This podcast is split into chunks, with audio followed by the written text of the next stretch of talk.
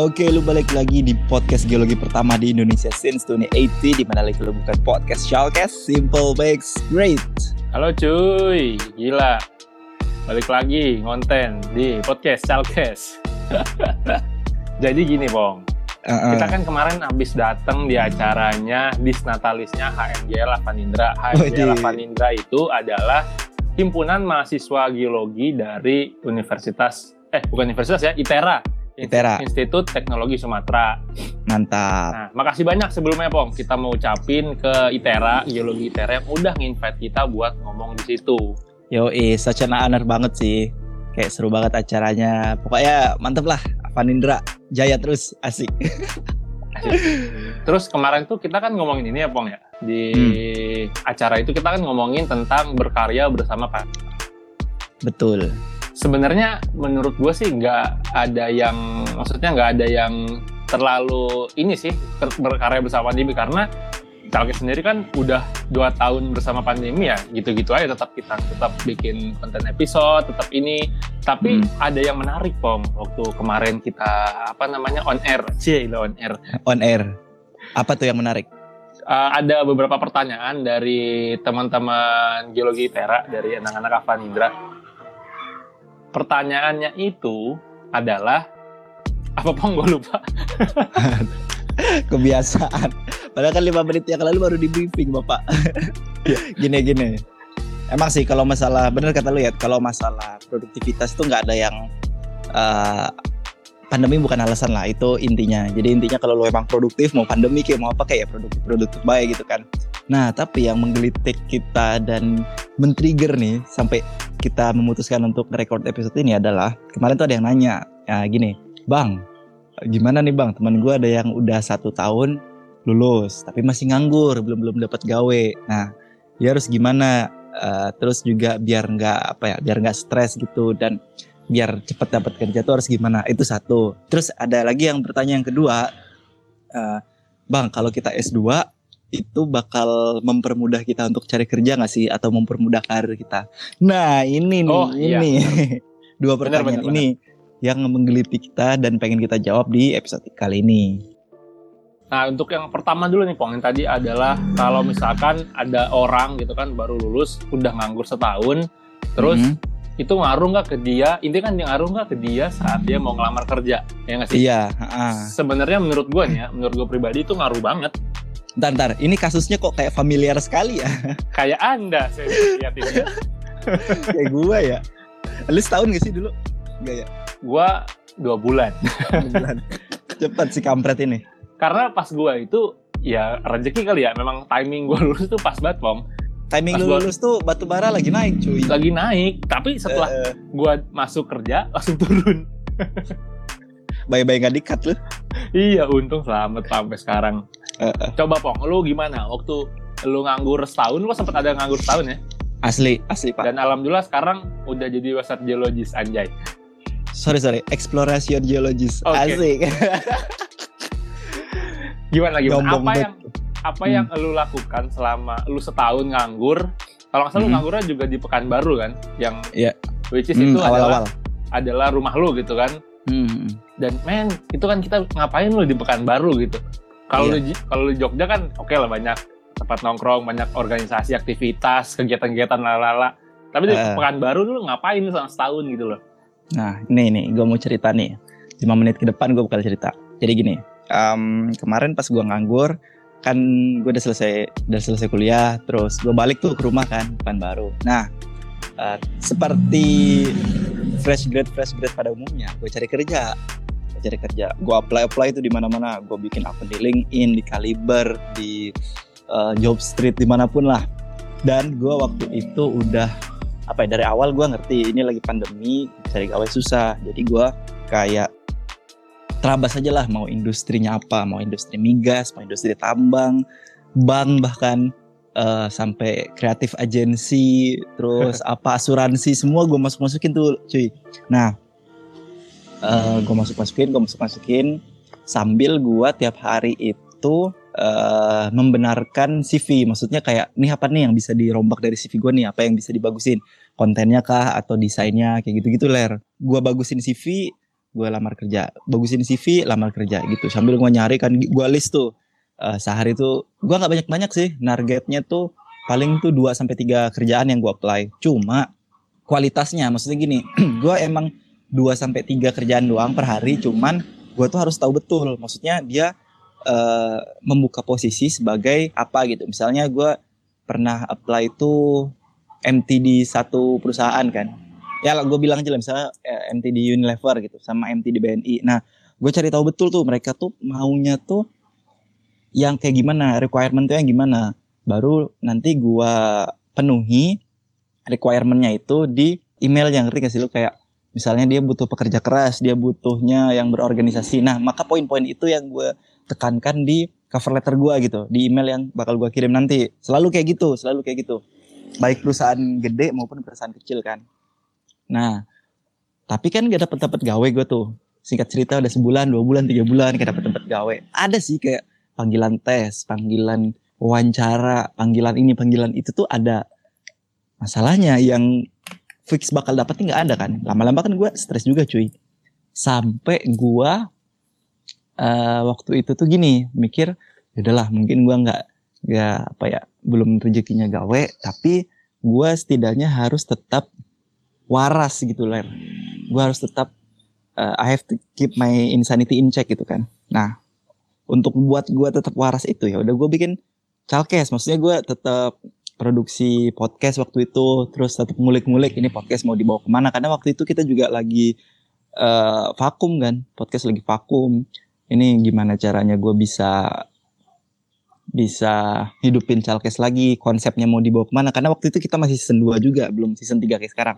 Jadi season 3 sekarang ini dibuatnya dari pas gua nganggur dulu ler sebenarnya. Konsep-konsepnya desainnya dan segala macam itu dari dari season 2 dulu gitu. Nah gua terusin Chalkes dan waktu itu kan pandemi ya tapi pandeminya tuh belum belum separah sekarang sih menurut gua. Waktu itu uh, masih gelombang awal kan gelombang awal dan itu udah mulai surut gitu ngerti gak sih lo nah maka gua, gua waktu itu uh, masih sering ini nih masih sering nongkrong nongkrong ke sana sini cuman bukan nongkrong nongkrong hahi gitu. Gua itu sama teman gua sampai mau bikin satu kreatif agency. Jadi gue tuh kayak pengen bikin media atau advertising agency gitu yang menyasarnya ke uh, usaha-usaha kecil. Misalnya lu punya coffee shop tapi bingung nih mau promosinya gimana uh, mau bikin akun di apa namanya di di marketplace gimana mau bikin akun di Google apa namanya Google bisnis gimana belum. Dan kalau nggak salah, kalau kalau nggak salah juga lu dulu udah sempat dapat klien kan di kreatif agency yang lu buat itu kan? Iya betul betul, gue udah dapat klien tuh tiga. Udah mau jalan nih, udah mau up and running, gue udah presentasi ke mana-mana, ke mana-mana.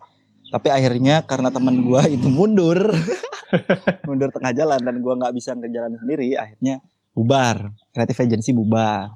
Nah terus juga waktu itu uh, Chalkes di tengah kevakumannya dapat beberapa project tuh. Salah satunya sama Giotama kan? Ya Giotama betul. Ah dapat Giotama kita kayak kerjasama bikin event bikin webinar.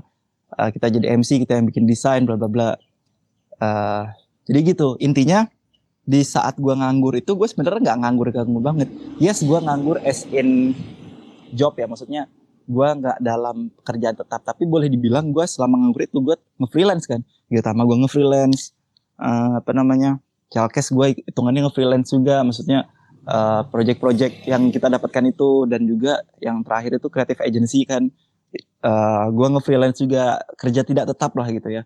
Jadi ya gue emang nganggur. Oh iya. Gue juga waktu itu lagi ngembangin uh, kos bunda kos bunda family business gue yang sekarang jadi Bunda Group. Nah itu gua apa pondasinya gua bangun pas gue lagi nganggur itu juga. Jadi sekarang ini udah tinggal jalan yang marketplace semua gua uh, apa namanya ya sekarang udah running semua nih yang di marketplace marketplace marketplace semua udah running. Nah itu gua jalaninnya dari pas gua nganggur itu. Jadi ya lu tetap berkegiatan aja sih maksud gua.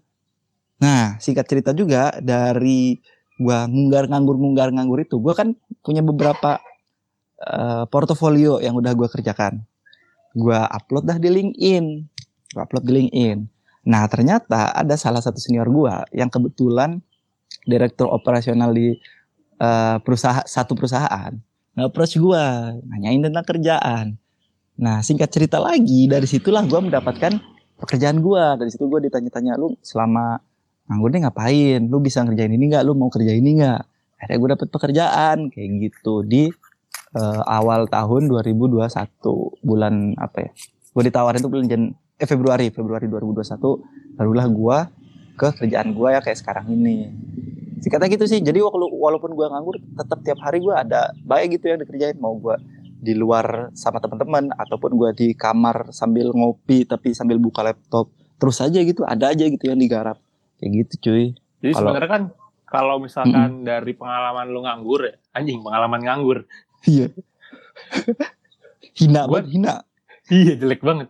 Gue sih nangkepnya yang gue dari omongan tadi ya in terms mm. of nganggur lu adalah beda gitu kan. Mm, dalam kerjaan ya oke lu nganggur tapi dalam aktivitas sehari-hari lu tetap produktivitas lu tinggi gitu kan dengan ngurusin iya. yang tadi Bunda Group terus lu ada juga uh, bikin-bikin kreatif agensi walaupun nggak sempat jalan gitu kan gagal terus, gagal lu juga kalau nggak salah pernah cerita ke gua lu ikut training safety gitu ya oh iya ha gua ikut lupa gua gua pernah ikut HSE HSE uh, Health Safety Environment uh, buat ketiga migas sebagai operator gitu. Nah, ketika itu semua lu lu jalanin dalam satu tahun tuh kayak cukup padat juga sih ya. Uh, lumayan sih, lumayan sih. Maksudnya nggak nggak padat SN gue tiap hari sibuk banget nggak, cuma iya, iya. ada aja gitu yang digawein, bener, dikerjain bener. gitu. Bener bener. Jadi ketika itu menurut gua itu adalah salah satu senjata lu ketika lu nganggur sih menurut gua karena Nah, iya lur. Gue pernah ngikut apa online course atau ikut-ikut kayak dengerin uh, apa namanya platform-platform perkariran gitu ya. Hmm. Jadi kata mereka sih ya kata ahli dalam bidang perkariran gitu, ketika lu nganggur setahun saat lu interview lu pasti akan ditanya gitu kan, lu nganggur setahun ngapain aja gitu? Yeah. Apa lu cuman golar-goler nonton Netflix, abis itu nongkan nongki, itu udah seratus ribu persen lu nggak bakal keterima gawe gitu pas lu interview bilang kayak gitu. Tapi ketika uh, lu nganggur, tapi itu lu berproduktif gitu kan entah kayak ngerjain apa project apa ngerjain kreativitas apa menurut gue itu bakal jadi nilai tambah gitu karena lu tetap memperkerjakan otak lu dengan produktif gitu nah ya ya benar-benar ya kan ya. gue sih yang yang gue tangkap di course-course perkariran sih kayak gitu ya jadi memang uh, kalau uh, pertanyaan kemarin di Avanindra itu adalah uh, nganggur setahun jadi masalah nggak ketika lo daftar kerja? Enggak sebenarnya. Iya. Hmm. As Selama long lu, as as long as lu tetap berproduktivitas gitu saat lu nganggur. Iya, tetap ada yang dikerjakan, tetap ada yang disibukkan gitu. Dan itu tuh bisa apa pun sih, maksudnya nggak nggak perlu yang muluk-muluk. Maksudnya bisa aja lu jalanin hobi lu, misalkan bikin lukisan, bikin blog atau bikin lagu mungkin, I don't know. Tapi yang jelas uh, lu tuh tetap uh, istilahnya tetap berkarya gitu. Nah, atau lu juga bisa bantuin bisnis uh, keluarga lu atau lu bikin bisnis lu sendiri itu kan juga ah, berproduksi berproduktif gitu kan ya? Iya iya iya. Dan take away-nya adalah ya saat lu nganggur jangan jangan jangan berpaku tangan terus gitu. Oke lalu ada santai sehari dua hari seminggu, cuman jangan kelamaan terlenakan hal itu gitu. Karena gue yakin juga ketika lu fresh grade dan terlebih kalau nilai lu bagus, lu pengalaman organisasi banyak dan lu masih nggak kerja tuh kayak mental sih boy kayak lu lihat teman-teman lu yang hai hai di orang kuliahnya tiba-tiba uh, pakai helm putih yang paling pertama di antara teman-teman lu itu tuh kayak anjir lah nggak adil boy. Asli kan. Itu pasti kena mental sih. Nah benar-benar mental breakdance. Mental breakdance banget cuy. Jadi ya biar lu nggak mental breakdance tadi ya lu sibukin diri dan percaya aja kualitas nggak akan mengkhianati hasil boy. Cakep.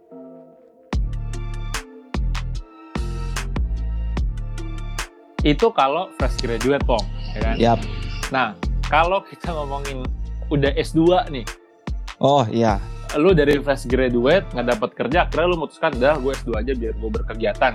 Ah, lu dan S2 itu, nih dan itu pernah jadi opsi gue juga kan gue cerita sama iya, waktu itu bener. gue mau ambil SBM ITB lu dari fresh graduate fresh graduate lu langsung S2 karena tadi lapangan pekerjaan susah terus kayak ayo udahlah gue nyari gue S2 aja lah daripada gue kayak gabut nganggur nggak jelas gini gue S2 oke lu S2 nah. gitu kan uh, katakanlah lu S2 nih nah setelah hmm. S2 kan otomatis setelah S2 lu mau mau ngapain gitu kan pasti kan kerja juga ujung-ujungnya kan Ya. Nah, yang jadi pertanyaan kemarin tuh adalah ketika lu udah sampai di taraf S2 dan lu nggak punya pengalaman, Hmm.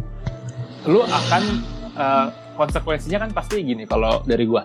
Pasti kan lu setelah lulus S2, lu akan nyari kerja juga.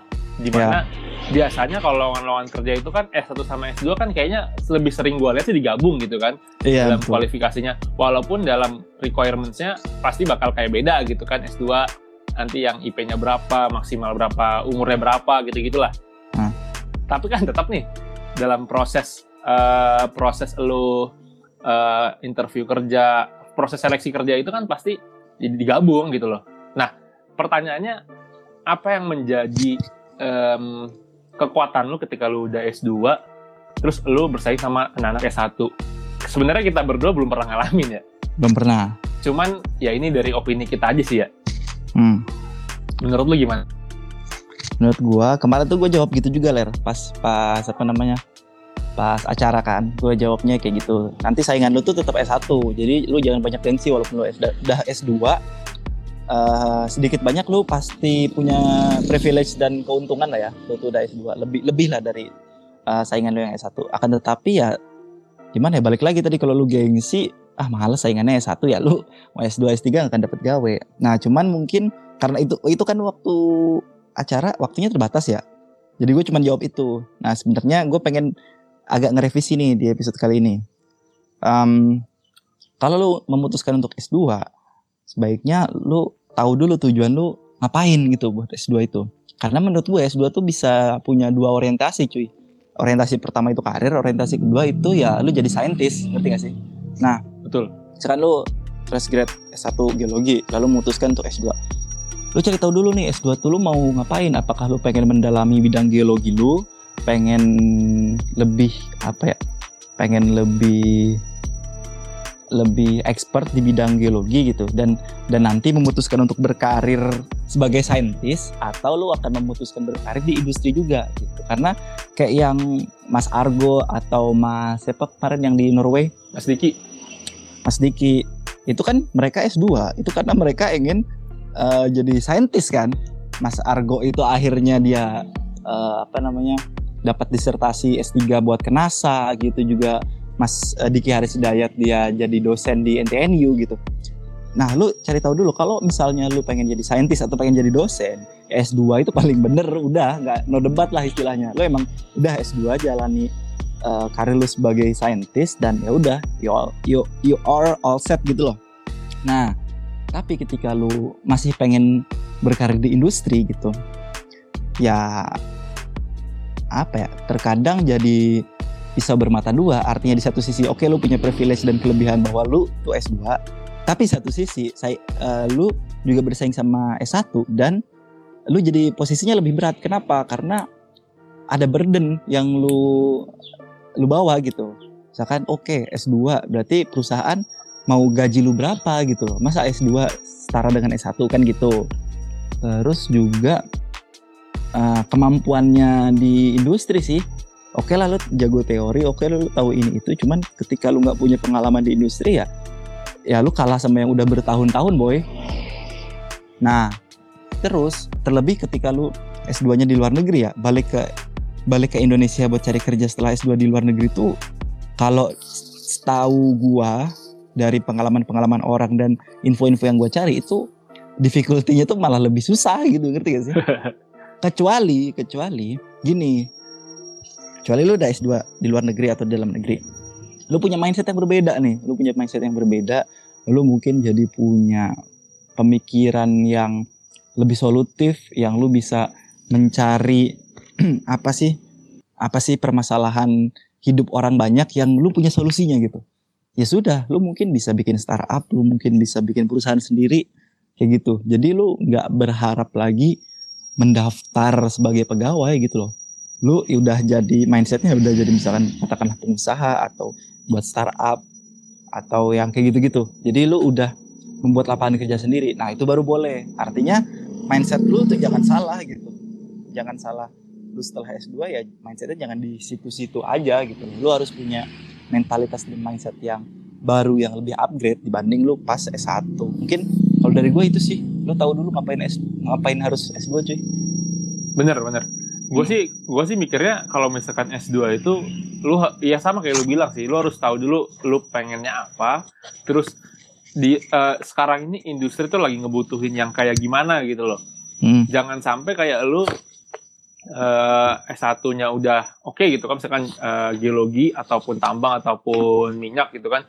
S2-nya justru malah jadi bumerang. Dalam artian bumerang kayak lu uh, ngambil itu tapi itu nggak banyak dibutuhin sama aja bohong gitu kan. Bukannya lu ngambil S2 malah memperluas lapangan kerja tapi malah mempersempit gitu. Walaupun uh, itu bagus gitu kan. Tapi beda cerita kalau misalkan emang lu mau jadi saintis atau lu mau jadi dosen ya kayak lu bilang nggak debat. Ya. Dan dan, dan sih, um, gimana gimana? ini ada satu lagi teman gua. Teman gua tuh ada yang kuliah S2 dia renewable energy ya S2-nya tahu lu setelah lulus jadi apa? Dia jadi jualan apa? Jualan ini apa namanya uh, cangkangnya kelapa sawit itu kan masih bisa dibakar dan jadi energi kan. Nah dia dia jualan itu dan berhasil maksud gua. Eh ya juga ini jadi uh, dia bisa manfaatin peluang. Mungkin dia ngelihat peluang itu gara-gara dia ikut S2 tadi gitu. Benar. Setuju nah, gua. Setuju iya gua. kayak gitu sih. Dan mungkin bisa diterapin kayak waktu S1 juga kali. Maksudnya ketika lu S2 dengan lu nggak punya pengalaman mungkin bisa memperbanyak ikut project kali bang ya. Nah project, iya. project itu kan dalam secara nggak langsung ketika lu ikut project-project uh, terkait dengan S2 lu gitu terkait dengan industri yang dibutuhin menurut gua akan lebih membantu dan juga bisa ini ya uh, bisa naikin bargaining power lu ketika interview di sebuah perusahaan sih ya. Betul betul. Ikut project-project gitu gitu cuman ya itu sih ini opini kita berdua doang karena kita berdua juga belum pernah S2 terus juga belum pernah ngalamin. Nah, pertanyaan selanjutnya adalah sebelum lu ada hmm. berkeinginan nggak buat S2? Banget, banget, banget, banget, banget, banget, banget, pengen. Pengen oh. ambil apa lu? Uh, sejujurnya, zuzurli gitu ya. Anjir najis. Zuzurli gue pengen ambil ini sih kayak sekolah bisnis manajemen gitu. Karena gue kan udah nyicipin industri nih. Nah oke okay, selanjutnya berarti next stepnya apa? Next stepnya ya gue harus berada di posisi manajerial gitu loh. Oh, betul. Nah maka nanti kalaupun gue ngambil S2, S2 gue itu harus menjadi ketapel karir gue. Ketapel karir, okay. sih lo? Ketapel kan begitu begitu dilepas langsung syung, langsung roket kan gitu, langsung naiknya cepet. Nah, itu tujuan gue S2 nanti gitu. Makanya gue juga pengen ngambilnya uh, eh, SBM gitu, Sekolah Bisnis Manajemen. Karena gue juga apa ya, ketika lu udah berada di posisi manajerial, gue yakin banget uh, basic-basic lu kayak geologi ataupun kemampuan teknis lu itu udah kurang kepake sih, kurang kepake. Yang uh, lu kan harus memanfaatkan resources sebaik mungkin demi mendapatkan profit sebesar-besarnya kan itu kan inti dari manajerial di perusahaan. Betul. Nah, untuk mengetahui hal itu ya maka gue harus sekolah lagi. Kayak gitu sih. Nah. Kalau lu gimana ya? Kalau lu pengen S2 S2 lu nanti ya bakal jadi ketapel buat tuh. Kalau gue S2 gue nanti gue pengen bakal jadi roket buat karir gue. Mantap. lu ketapel cuma berapa meter dong, Bong roket bisa sampai bulan sampai bulan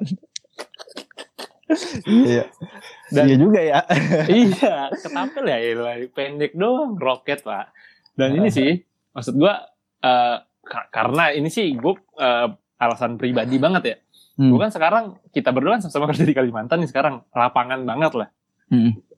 goals gua adalah suatu saat ketika gua udah punya pengalaman yang banyak gitu gua uh, pengen banget tetap da tetap ada di industri tambang, industri mining gitu ya. Hmm. Cuman yang ada di Jakarta. Balik lagi oh, kenapa? Okay, okay. Karena satu dekat rumah gitu kan. Yang kedua, someday gue bakal punya keluarga sendiri, gue bakal punya anak, dan gue nggak pengen jauh-jauh banget tuh. Jauh jauhnya dalam artian yang dalam lama sebulan dua bulan gue mager banget kayaknya. Nah, gimana caranya buat sampai ke situ gitu kan. Jadi target gue adalah di yang sekarang gue masih muda ini umur 20-an, gue bakal kejar pengalaman sebanyak-banyaknya di site gitu kan di lapangan hmm. Apa yang bisa gue pelajarin gue pelajarin semua nah ketika ada opportunity dalam tanda kutip gue berkarir di industri mining yang ada di Jakarta gitu kan gue bakal ambil dan langsung tuh gue bakal progres buat S2 sama kayak lu sebenarnya sih lebih ke hmm. manajerial manajemen bisnis manajemen dan lain-lain gitu nah hmm. jadi gue bisa nge-combine uh, ilmu teknis di lapangan yang udah gue dapet bertahun-tahun sama uh, ilmu S2 gue yang manajemen tadi. Jadi ketika gue uh, diadu di Jakarta sana, gue nggak kalah gitu loh. Oke lu kalau mau bicara teknis, ayo gitu. Gue udah bertahun-tahun gitu. Lu hmm. mau ngadu masalah manajerial, ayo juga. Gue udah S. Nah itu. Jadi ada goalsnya gitu. Yes. Ah. Jangan istilahnya mah jangan S2 buat mempercantik nama lu di undangan nikah nanti. Ai. Mantap. banyak tuh soalnya banyak terjadi. Bahkan ad- ada om gua gitu kan yang nyaranin Eh. kayak eh, mumpung lagi pandemi ini udah ambil aja S2 kan banyak yang online. Uh, kata gua anjir. Gua Gue Gua badan gua- sih. badan gua rontok juga ya. Gawe tujuh kali seminggu, tujuh hari seminggu, malam gua lanjut kuliah, selesai gua kata gua ntar aja deh. Lagian ya waktu itu gue kan pernah pernah lihat-lihat bukan pernah lihat-lihat lagi udah gue udah bikin akun udah segala macam lah ada tinggal bayar istilahnya waktu itu buat daftar eh buat tes dan sebagainya. Tapi gue lihat-lihat lagi ler.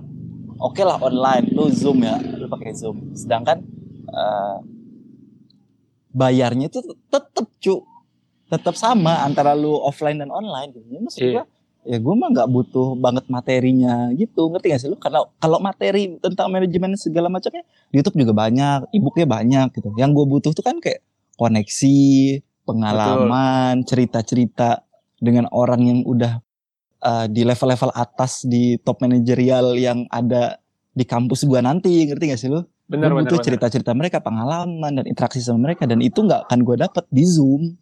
Dan vibes ngampus ya. vibes ngampus asli boy. Jadi ah gitulah bayarnya sama ya rugi. Jadi Iya iya iya. jadi gue memutuskan untuk tidak nanti saja. Kalau ada kesempatan. Oke menarik sekali Gitu aja kali ya. kita yang singkat ini Eh, Karena ya itu tadi di Avan Indra kemarin kan terpentok sama eh, waktu ini kan waktu tayangnya gitu. Jadi ya Iya. nggak bisa semuanya keluar dan kita pengen hmm, eh, berbagi lagi di episode kali ini dan sekali lagi Pong ya terima kasih banyak buat HMG Yes. Indra. Semoga eh, semakin berjaya di umur yang keempat ini dan selamat ulang tahun tentunya jaya Ah. terus jaya selalu. Oke lu yang lagi nyimak terima kasih yang udah dengerin Eh, stay tune terus di podcast Chalkes dengerin di Spotify, Apple Podcast, Google Podcast di mana pun platform podcast yang lu suka dan info lebih lengkap ada di www.chalkes.wixsite.com slash podcast dan lu bisa DM kayak biasa di Instagram at Chalkes, Facebook dan Twitter juga ada cuy. Terima kasih gua Rian Kopong undur diri cabut. Gua Muhammad Teddy pamit undur diri. Bye.